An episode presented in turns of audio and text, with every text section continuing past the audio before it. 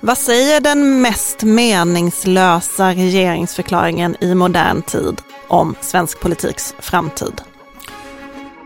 Och så undrar jag, varför har inte Miljöpartiet någon 40-årskris?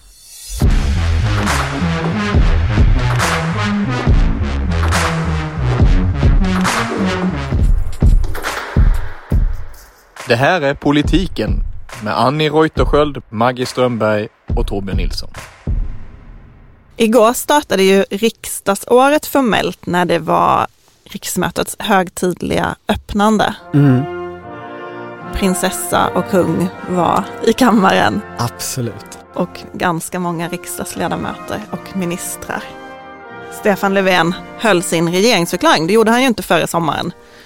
Så detta är ju den första i den nya Löfven 3. Annie som inte är här idag för att hon är upptagen med partiledardebatt, hon tyckte inte det var något att ha, den där regeringsförklaringen. Ja, men hon skrev ju att det kanske var den mest meningslösa regeringsförklaringen i modern tid. Mm. Och något ligger i det om det ska komma en ny regeringsförklaring om ja, någon månad eller så, när det är en ny statsminister. Verkligen. Eh, Det var ju också ganska ljummet. Men jag, jag tänkte på eh, den förra regeringsförklaringen som Stefan Löfven höll för ett år sedan i Mhm. riksdagen. Ja. Då hade du och jag en annan podd i Expressen och då minns jag att jag hånade dig lite för att du brydde dig bara om två ord i den här regeringsförklaringen. Du plockade ut orden välskött skog som Stefan Löfven hade stoppat in någonstans mitt i något sammanhang.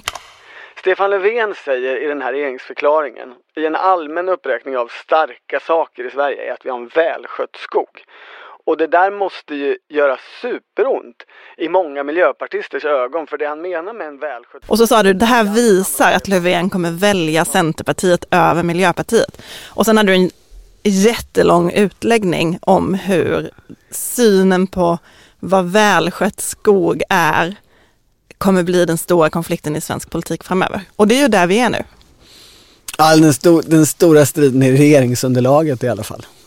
Det Ja. får man ju säga att det är. Ja, Mm. och då undrar jag så Tack här. för att du erkänner detta i efterhand. Eh, alltså jag sa inte att jag hade fel, men det var ju... Tack för att du såg och ser. Men det var, det var ju, du, du hade rätt i alla fall. Ehm, nej men jag tänkte fråga dig om du har liksom eh, kunnat förutspå något annat. Kan du se in i framtiden nu utifrån den här regeringsförklaringen trots att den var meningslös?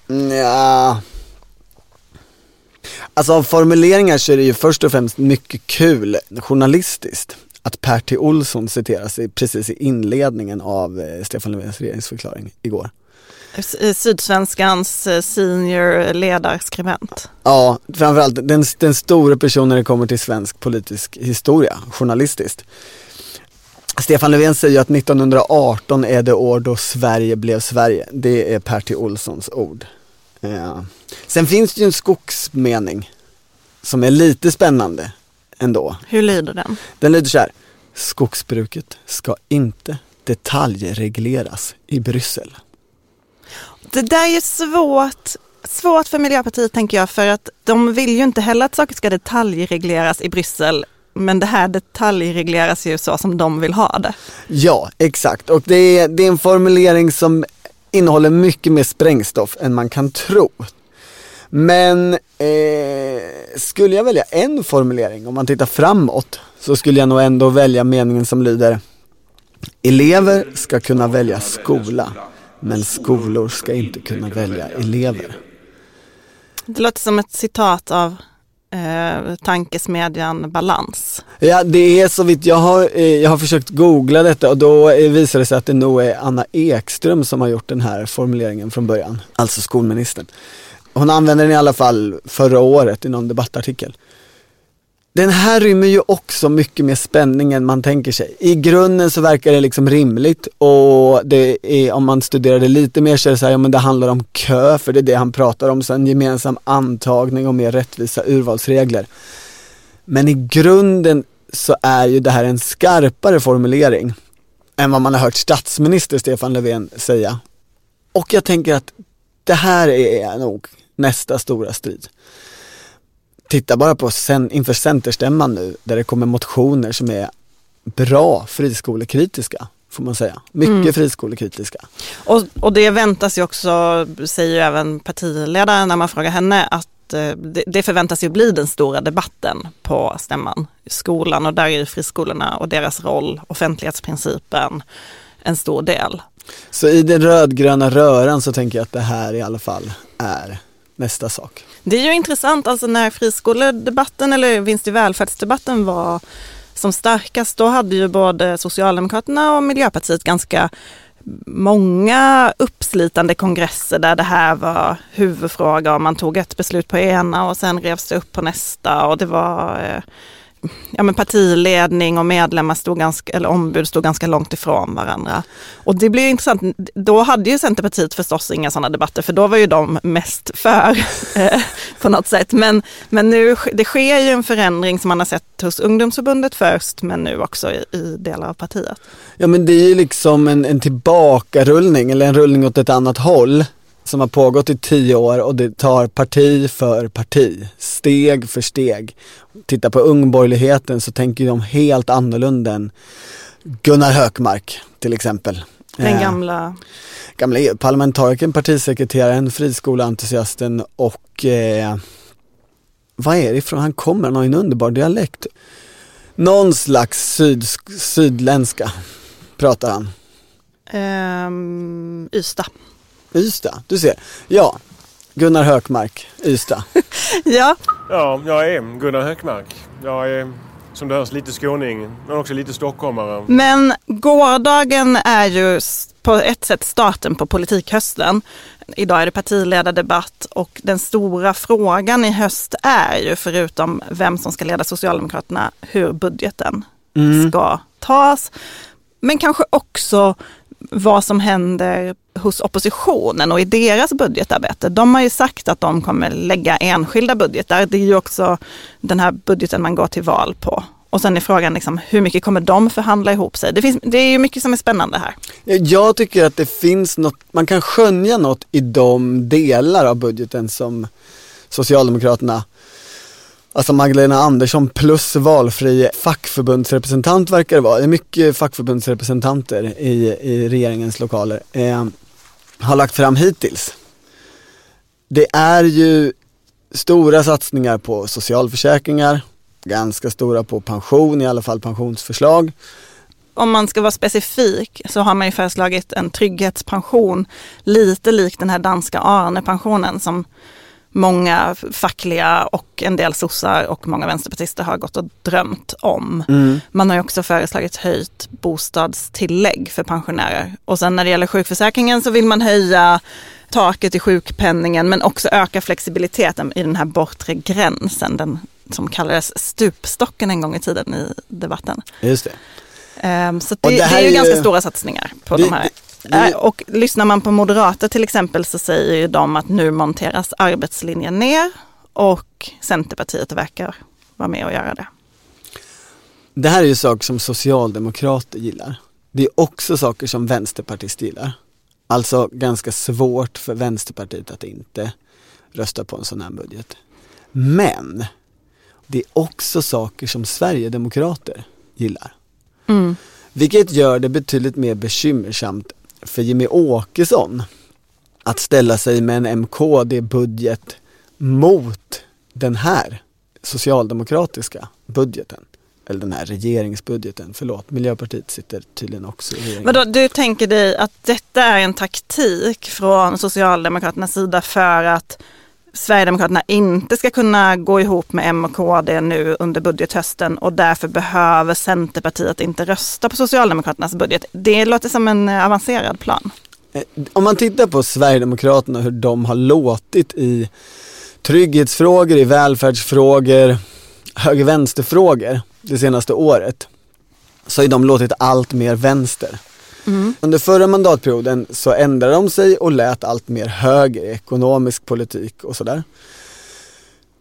Sen det blev klart att de får göra ett samarbete på något sätt med Moderaterna och Kristdemokraterna så har de ju tvärtom börjat låta mer vänster mm. för att fiska in vänsterröster.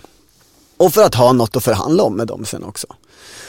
Och de viktigaste sakerna i den processen har ju varit socialförsäkringar, pensioner. Precis, kanske framförallt i offentligheten så har det ju varit pensionerna. Um, där säger ju Jimmy Åkesson att det kommer vara en av de största satsningarna i deras budget i höst. Jag vet att Oskar Sjö, jag, jag skriver nämligen om pensioner den här veckan, det kommer en stor artikel imorgon i Svenska Dagbladet. Um, jag vet att eh, Oskar Sjöstedt har hållit på med politikutveckling på det här området för, som ska presenteras i deras budget nu i höst. Så att det är ju den stora frågan. Och det har ju länge varit när man pratar med moderater, de moderater som faktiskt vill prata om vad som skiljer de här partierna åt. Ulf Kristersson vill ju bara prata om deras gemensamma bild av hur Sverige behöver svängas om. Men, men de som ändå visar lite oro för hur det här ska gå, de lyfter ju just den här frågan eh, och säger att Sverigedemokrater är ju nästan värre än socialdemokrater mm. sett ur moderaters ögon när det kommer till arbetslinjefrågor. Ja, och det här blir ju, tänker sig då socialdemokrater, besvärligt för Sverigedemokraterna. De kommer ha svårt att visa att de kan genomföra sin välfärdspolitik tillsammans med moderater. Och detta kommer synliggöras, hoppas de här socialdemokraterna, i budgetgrälen närmsta månaden. Det är ju intressant. Det som jag tänker kanske talar emot det är ju ändå att de, alltså det är ju den här lite snåriga processen där alla ska lägga egna budgetar, sen ska det upp i finansutskottet mm. och då handlar det om att man ska göra en gemensam reservation. Kommer Sverigedemokraterna vara med på den reservationen eller handlar det bara om att de ska rösta på den? Tidigare har de ju alltid i slutvotering röstat på Moderaternas eller MKDs. Ja, men det var och då har de ju motiverat det med att de tycker att den är bättre. Praxis Näst bästa. Ja, men praxis är ju att man lägger ner sina röster men de har ju alltid sagt att nej, men vi röstar på det som vi tycker är det bästa alternativet. Det är deras praxis. Liksom. Ja, och det var så det gick till förra gången en MKD-budget gick igenom. Och där kanske du har en poäng att det blir svårt för dem att motivera varför röstar ni ner det här. Men då kan de väl bara säga för att det är mer pengar till rättsväsendet, för att det är mer pengar till Kanske. Men Jimmy Åkesson gav ett väldigt intressant besked i eh, en intervju med Helena Gissén i Expressen eh, för några dagar sedan. Då sa han till henne att Sverigedemokraterna inte kommer rösta på någon annans budget i kammaren. Nej, alltså det är ganska, ganska osannolikt att vi skulle rösta på en budget i det här läget som vi inte själva har varit med och förhandlat. Eh, jag ser det som ganska osannolikt faktiskt. Men ni har gjort det förut? Ja, det har vi. Men vi har också omvärderat det i takt med att ja, i takt med utvecklingen, inte minst då att det nu är skarpt läge på ett helt annat sätt. Vi är ett eget parti, vi har vår politik, vi har våra prioriteringar. Fast, ja, nej men, det känns äh, som att de höjer in, de har ju okay. också ett taktiskt spel här. De höjer insatserna till de riktiga budgetförhandlingarna som ska ske om ett år med Ulf Kristersson. Ja, men jag, vill, jag vill invända på två saker. För det första så säger ju även Nooshi Dadgostar att hon inte kommer rösta på Stefan Löfvens budget trots att alla vet att hon kommer att göra det. Så att det här är ju en del i spelet inför. För det andra säger han ju att han inte kommer rösta på någonting som han inte har varit med och förhandlat. Men jag menar om, om det blir en reservation i finansutskottet, varför skulle Sverigedemokraterna inte få vara med och förhandla den? De har ju inget liksom, varken Moderaterna eller Kristdemokraterna har ju problem att förhandla med Jimmie Åkesson. Nej, och då hoppas Socialdemokraterna med sitt trumfargument då, ja ja, Jimmie Åkesson sätter sig ner och förhandlar och förhandlar färdigt med Moderaterna och Kristdemokraterna redan nu. Vad kommer det ut då av pensionspengar och socialförsäkringspengar? Inte så mycket som Jimmie Åkesson vill säga till alla LO-väljare som vi ska slåss om i valrörelsen. Hoppas då Socialdemokraterna. Ja, ja, vi får se. Ja, vi får se. Vi kan, jag kanske står här sen igen och måste säga att du hade rätt. Det gör ju ont. Men, eh, men det är många intressanta turer att hålla reda på i höst i alla fall. Och vi kommer finnas med varje vecka. Politiken är en podcast från Svenska Dagbladet och du som också vill läsa våra artiklar i Svenska Dagbladet kan prova tidningen gratis i två månader. Då ingår allt på svd.se och i appen, tidningen i digitalformat och fem familjedelningar. För att göra detta, gå in på svd.se politiken. Kamrater, någon jävla ordning ska det vara i ett parti. Maggie, nu vill jag prata lite om ditt eh, favorithatkärleksämne. Miljöpartiet. Ja. Det är ju nämligen så att klockan 11.37 den 20 september, alltså för snart, På måndag alltså? ja för 40 år sedan, Ja. snart 40 år sedan, så bildades Miljöpartiet. Och det har ju du ägnat stor del av ditt liv åt att skriva om.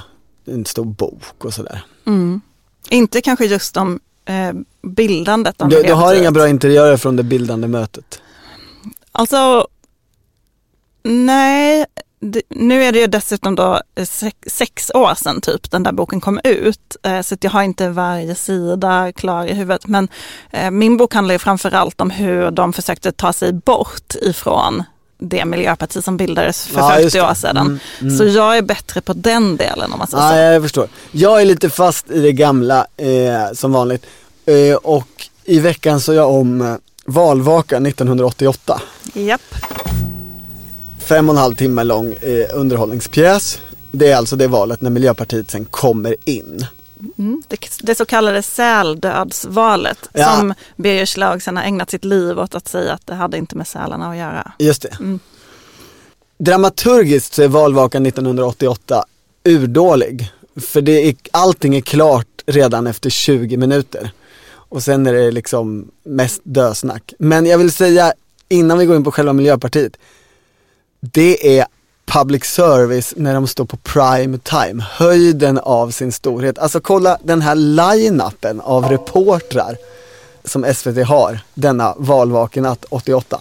Programledare är Ingemar Odlander och Pia Brandelius. Ja, det är tungt. I studion har de dessutom Lars Orup och Karin Andersson som gör olika intervjuer med folk.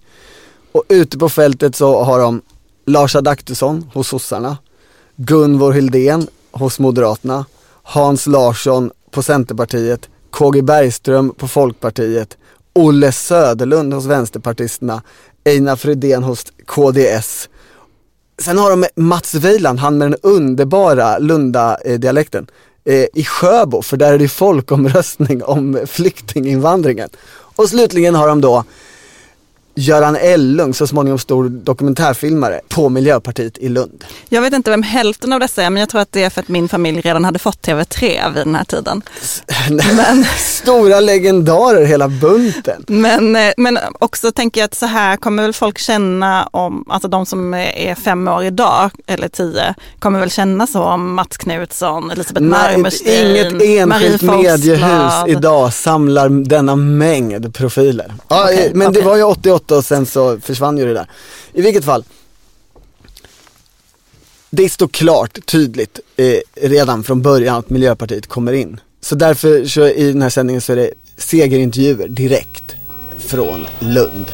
Ja, här hos miljöpartisterna i Lund, där jublas det. Med eh, språkrören. Där Per Gahrton väl bor vid den här tiden, antar jag. Ja det gör han, absolut. Ett av språkrören på den tiden är Eva Goes. Japp. Och hon har en sån underbar anti-attityd.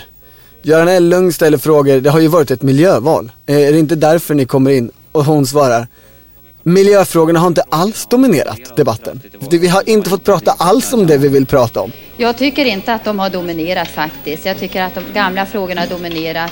Man har glömt bort det väsentliga. Det har varit hemskt, alla är dumma i huvudet, vi får inte vara med någonstans. Och plötsligt så säger hon, det här valet är ett val som handlar om livet. Det här valet är ett val för Ja. livet. Ja. Eh, och så får hon till slut frågor, kommer ni, eh, vad ska ni vara med i för block? Och så är hon jättesur på det, för att det är det enda ni har frågat om hela valrörelsen och vi kommer ju alltid vara ett grönt block. Vi väljer ingenting annat än ett Det grönt. finns ingenting att fundera över. Det gröna blocket, det står vi för till dödagar. Det gröna står vi för. Och lite senare den här kvällen, Det låter som Centerpartiet, eller? ja, det kan man säga faktiskt. Lite senare den här kvällen så blir det också då intervju med Per Gahrton som ju är mannen i kulisserna. Eh, han har ju ingen språkrörsposition vid det här skedet utan är ju bara veteranen som startade partiet. Det är Birger Schlaug som är språkrör. Exakt, exakt. Eh, så får Per Gahrton lite frågor och det, det, det som först är väldigt roligt är ju att när man hör Per Gahrton prata 1988 så förstår man hur Gustaf Fridolin lärde sig binda ihop ord och vilken satsmelodi han skulle ha. För de pratar ju exakt likadant. Japp. Men det finns gröna även hos Folkpartiet och Moderaterna, enskilda ledamöter. Helt exakt likadant. Dock säger Per Gahrton sådana här saker. Vi är inget etablissemangsparti. Det tror jag inte att vi blir något. Eh, vi blir aldrig ett etablissemangsparti. Det kommer vi aldrig bli. Okej. Det är valvakan 1988. Klipp det till idag. Vad är Miljöpartiet idag? Alltså jag tänkte igår när jag såg den på riksmötets öppnande att ibland när man ser Miljöpartiets statsråd så får man liksom känslan av att de har klätt ut sig lite grann. Eller att de... Hur menar du då? De hade inte folk direkt? Eh, Amanda Lind hade det, hon brukar ha det. Nej men att de är så att de, de tycker liksom att det är så kul det här med att ha en stylist som hittar fina vintageklänningar som man kan, alltså de gör, hela det här miljöpolitik är någonting individuellt, på, liksom handlar om din livsstil Ja. när du bor på Nytorget. Den känslan tycker jag att man får väldigt ofta när man ser dem. Men alltså, har, Att de har de liksom klätt upp sig med eller, klätt ner sig? De klär upp sig super, super mycket och de känns inte helt hemma i, alltså att de liksom lyser så här, kolla på mig, jag har en jättefin klänning på mig. Alltså, och att det inte kommer naturligt för dem, förstår Jag du? Ja. Det jag vill åt var att idag, det här kan stämma, vi kan komma till det sen kanske. Att idag är Miljöpartiet ett etablissemangsparti. Alltså frågar man väljare så är den vanligaste synpunkten om Miljöpartiet, de är ett parti som inte förstår vanligt folk. De består av någon konstig elit, något etablissemang eh, i storstäder som inte fattar folk. Mm. Och de är ett parti som har valt block. De har valt ett block som domineras av röda krafter, får man ändå säga. Mm. Eh, Och av metallare. Ja, och då tänker jag, det här är ju en klassisk uppväxtberättelse på många sätt. De har långt hår, vill göra uppror, är emot allting. På den tiden var de ju rent liksom politikerföraktande eller politikföraktande. Systemet var fel och Alltså Inge Pålsson som blev ledande företrädare i Sundsvall så småningom skrev 1982 i boken Nu kommer Miljöpartiet att så här, Politik är bara medelålders män med kostym och dokumentportfölj på språng mellan olika sammanträden. Inte heller går det att gissa vilket parti en politiker företräder. De ser likadana ut, talar samma språk och har samma värderingar. De har ingen aning om hur verkligheten ser ut. Klassiskt populistparti. Mm. Idag så är de ju det mest skötsamma av alla partier. De har verkligen klippt sig och skaffat sig ett jobb. När andra partier flörtar med populistiska idéer, när andra partier blir sura och liksom gör verklighet av att faktiskt fälla regeringar för att de inte får igenom sin hjärtefråga, så är Miljöpartiet lugna, stillsamma, skötsamma, sätter sitt förhandlingsrum, försöker en bit, förlorar rätt mycket, vinner något och går ut och eh, traskar på i sin eh, kanslihuskorridor. Man tycker att de borde ha någon slags 40-årskris. Alltså 40-årskris av karaktären, vad var det som gick förlorat när jag klippte mig och skaffade mig ett jobb och blev tråkig? Nu måste jag köpa en Porsche eller vara otrogen eller hitta på något i mitt liv för det här blev ju alldeles för tradigt. Mm. Och det skulle sen då kanske, tänker du, rädda partiet kvar i riksdagen? Det vet jag inte. Men framförallt så skulle det i första hand vara någonting som hände i partiet. Det borde i partiet finnas en rörelse som säger vi har ju förlorat det parti som vi drömde om, Mm. det parti vi ville vara när vi klippte oss och skaffade ett jobb. Ja, och, och, och De borde ha 40-årskris. Det kan man väl säga då som, som, som en person som har följt eh, det här partiets eh, resa till den klippta frisyren. Så har det ju funnits folk som längs hela vägen som tycker att partiet har förlorat sin identitet. Min bok heter ju Vi blev som de andra som en lite ironisk blinkning också till att folk i partiet så fort man har tagit liksom nå- något steg mot att strama upp partiets vildvuxenhet så har, har folk skrikit här, vi kommer bli som de andra. Och nu är man väl det i väldigt hög utsträckning förutom att man fortfarande har rotationsprincip och två språk här. Men man har ju också ägnat väldigt mycket tid åt att kväsa det Ja. där. Så det finns Ehm. inga, inga som kan krisa kvar? Inga 40-årskrisare kvar? Nej, man har ju, alltså, jag tror man också måste tänka på i vilken tid Miljöpartiet tog störst steg mot det här. Eh, eller åtminstone färdigställde den här förändringen ganska mycket.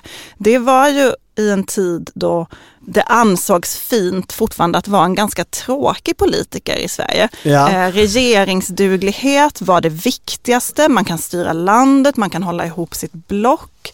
Fredrik Reinfeldts gråa persona hyllades i den här boken av Aron Etzler, du vet, ställdes mot Mona Sahlin och Håkan Juholt, det här Ja, yviga som, som inte alls svenska väljare vill ha. Mhm. Eh, Det här var ju före Ebba Busch och Annie Jimmy Lööf, egentligen före, egentligen före det hade gått bra för Jimmy Åkesson också. Och jag tror att man ägnade så otroligt mycket tid åt att passa in i den där mallen Mm. ehm, och trodde att det var det som skulle vinna förtroende hos väljarna och göra att partiet kunde bli den tredje kraften i svensk politik som man så länge drömde om. Att när det där sen förändrades, och det gick ju ganska snabbt, då var man så fast i det där. Då hade man ägnat sig så många år åt det där. Att man kunde liksom inte riktigt följa med. Att välja Märta Stenevi var ju lite ett försök att vara någonting annat, att vara lite kaxigare, ehm, att hitta tillbaka till en viss typ av protest som då kanske handlade om att vara tuffare mot Socialdemokraterna. Men hon har ju ganska mycket, känner man, rättat in sig. Alltså om Märta Stenevi ska vara Miljöpartiets 40-årskris, då har de verkligen ingen 40-årskris. Nej, Då skulle de valt Rebecca Lemoine, tänker du? Ja, det skulle de väl till exempel gjort. Eller ha en, en, att det fanns en levande diskussion i partiet om detta. Och det verkar det ju inte göra. Alltså alla verkar ju så märkligt tillfreds. Ringer man miljöpartister och säger, är det inte så att ni har helt tappat relationen till väljarkåren? De här snart åtta åren. Då säger de, nej, vi ligger stabilt på 4% i opinionsmätningarna. Och det tycker de är jättebra. Det är, det är ingen fara, vi kommer inte hamna under spärren. I en tid då, Och det är så att säga, i en det- tid då klimat och miljöfrågor är de absolut viktigaste frågorna i flera val runt om oss, men faktiskt inte i Sverige.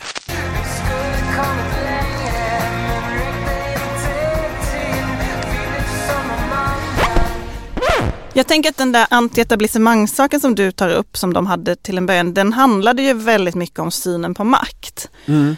Och där man ju, alltså en anledning till att man hade de här, eller har de här rotationsprinciperna är ju att man tänker sig att makt alltid korrumperar. Att det är naturligt. Att oavsett hur medveten du är om det så behöver du bytas ut. Och det ligger ju någonting i det, men då tycker jag att det är intressant att se det finns ju en liten, liten diskussion i partiet nu som handlar om, vore det inte bättre att stå utanför regeringen? Den är ju verkligen ganska liten, men det ju, handlar ju om att man också tittar på hur Vänsterpartiet har agerat och tycker att det verkar ju gynnsamt för Ja. dem i i jämförelse med hur det är för Vänsterpartiet har ju agerat Miljöpartiet. som Miljöpartiet en gång agerade. I Ja. början av 2000-talet. Ja, de har väl också inspirerats en hel del av vad Miljöpartiet gjorde då, att göra upp med olika sidor, att sätta press på Socialdemokraterna och liksom tvinga till sig eh, att bli lyssnad på. Det var ju så Miljöpartiet agerade under Peter Eriksson. Men jag tycker det är intressant när man tittar på Miljöpartiet i regeringskansliet idag, så Dels får de ju igenom en hel del liksom, olika satsningar. De är ofta av ganska teknisk och krånglig karaktär, inte så lätt tror jag för människor att ta till sig.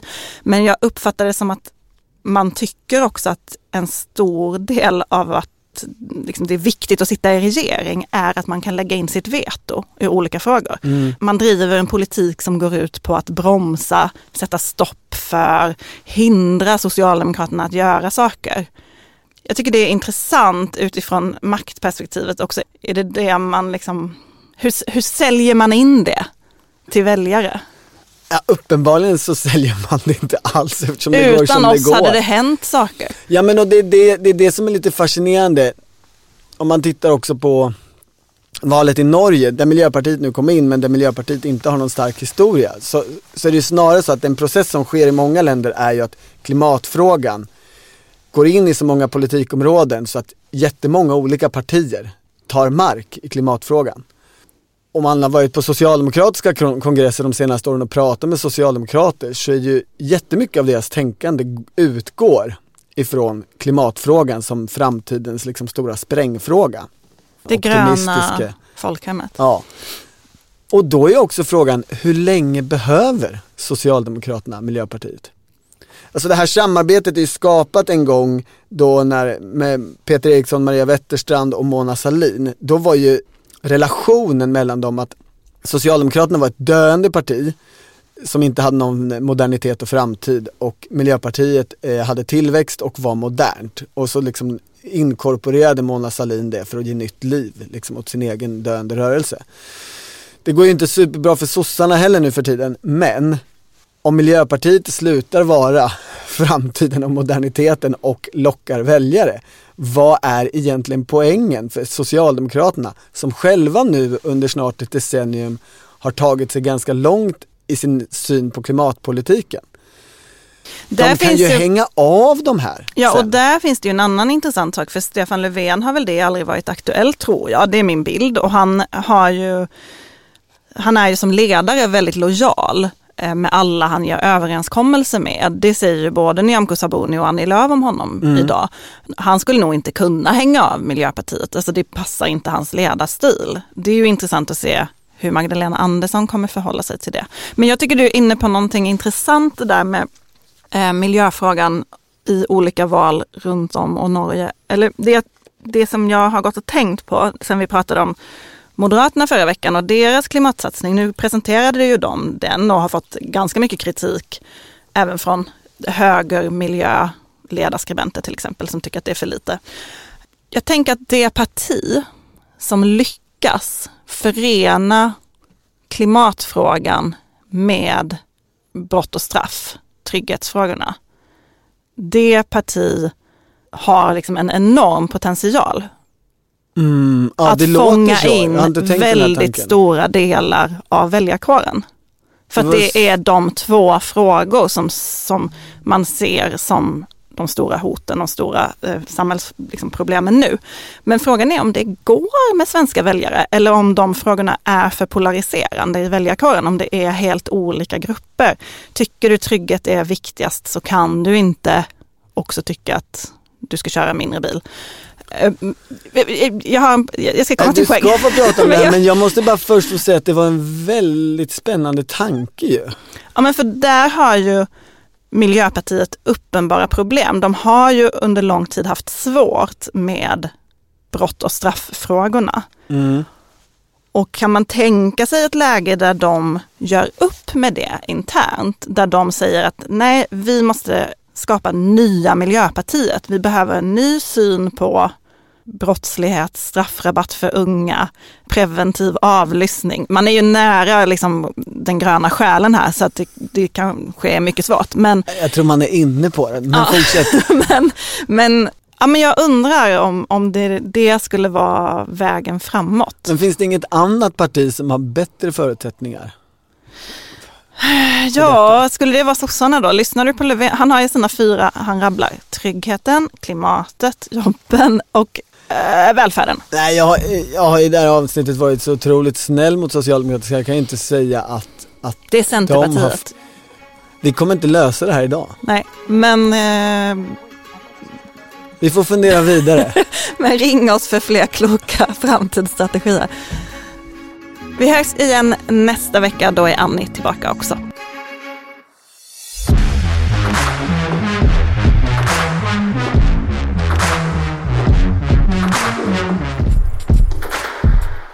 Du har lyssnat på Politiken, en podd från Svenska Dagbladet. Ansvarig utgivare är jag, Anna Kareborg.